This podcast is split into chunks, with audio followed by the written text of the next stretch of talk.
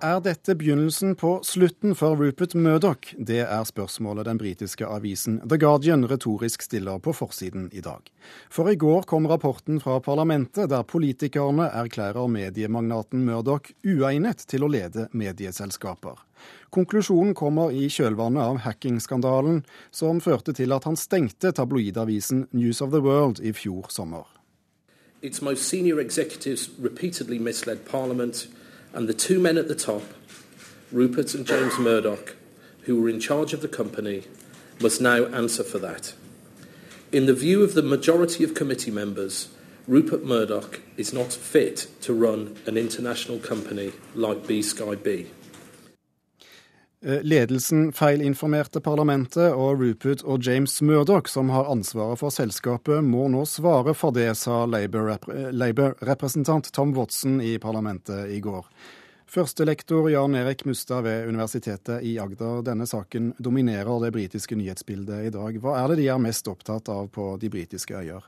Nå har jo denne høringen pågått i flere etapper. og Denne siste etappen her har jo da eh, dette som skjedde i fjor sommer med nedleggelsen av News of the World.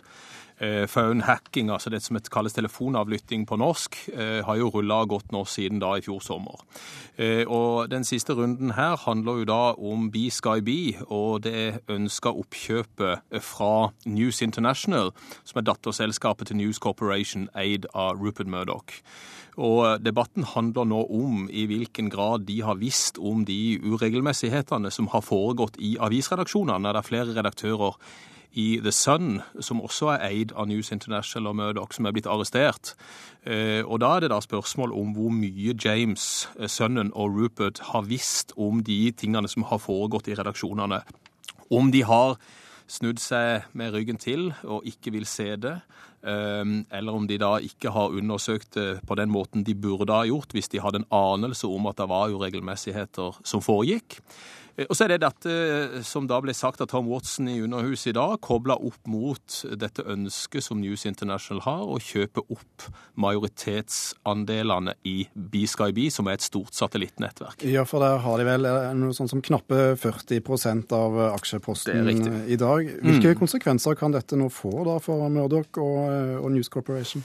Nei, altså den, Denne setninga som du siterte innledningsvis her i forhold til, til The Guardian, og om dette er begynnelsen på slutten, så er jo dette vært et eh, scenario som har vart siden i fjor sommer, om dette er begynnelsen på slutten for eh, Murdoch-konsernet, sånn som vi ser det i Storbritannia iallfall.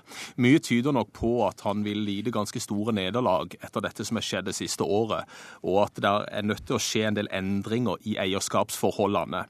Denne, denne, dette oppkjøpet av BSkyB, som, som de eh, har holdt på å behandle lenge i dette Ofcom-tilsynet, altså dette det tilsynet som, som det statlige tilsynet som, som regulerer og mediebransjen, eh, de har jo vært opptatt av om de er i stand til, om de er egnet til, som du sa innledningsvis, til å ha majoriteten i BSkyB.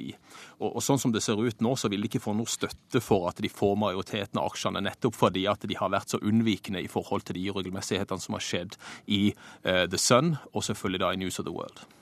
Ja, og fortsatt uh, venter vi altså på, på um, konklusjonene til det britiske medietilsynet, som du nevnte. Mm. Der foregår en rettslig høring. og uh, Amerikanske myndigheter skal også granske den amerikanske delen av eh, selskapet. Ser vi her eh, at eh, Murdoch-familien mister mediemakten sin? Ja, det er mye som kan tyde på det. Altså, noe av bakgrunnen for dette, som, som også nå begynner i USA, er jo å etterforske dette forholdet mellom politikere og mediemoguler, og spesielt da Murdoch-konsernet. Hvor tette disse båndene har vært. Vi vet jo i Storbritannia at disse båndene har vært tette, eh, også historisk. At Mødak har hatt møte med de siste tre-fire statsministrene, og hatt stor påvirkningskraft på opinionen.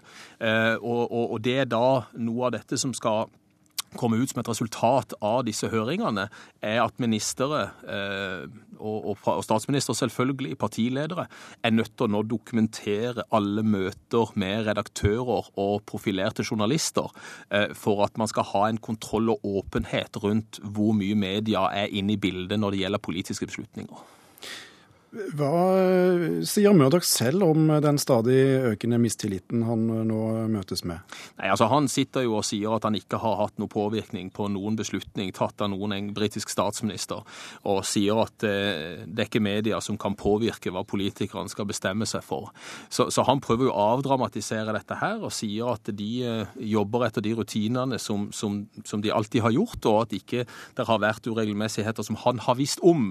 Han ser at det har vært uregelmessigheter ulovligheter og overtramp, lovlige overtramp, altså ulovlige overtramp, da, eh, og beklager dette i flere notat, eh, og også interne memoer som er sirkulert i News International, hvor han, hvor han sier at eh, vi må ta konsekvensene av de overtrampene som er skjedd. Og de, vi vet jo nå at de også har betalt ut store løsepenger, holdt jeg på å si, altså penger i kompensasjon til folk som er blitt telefonavlytta.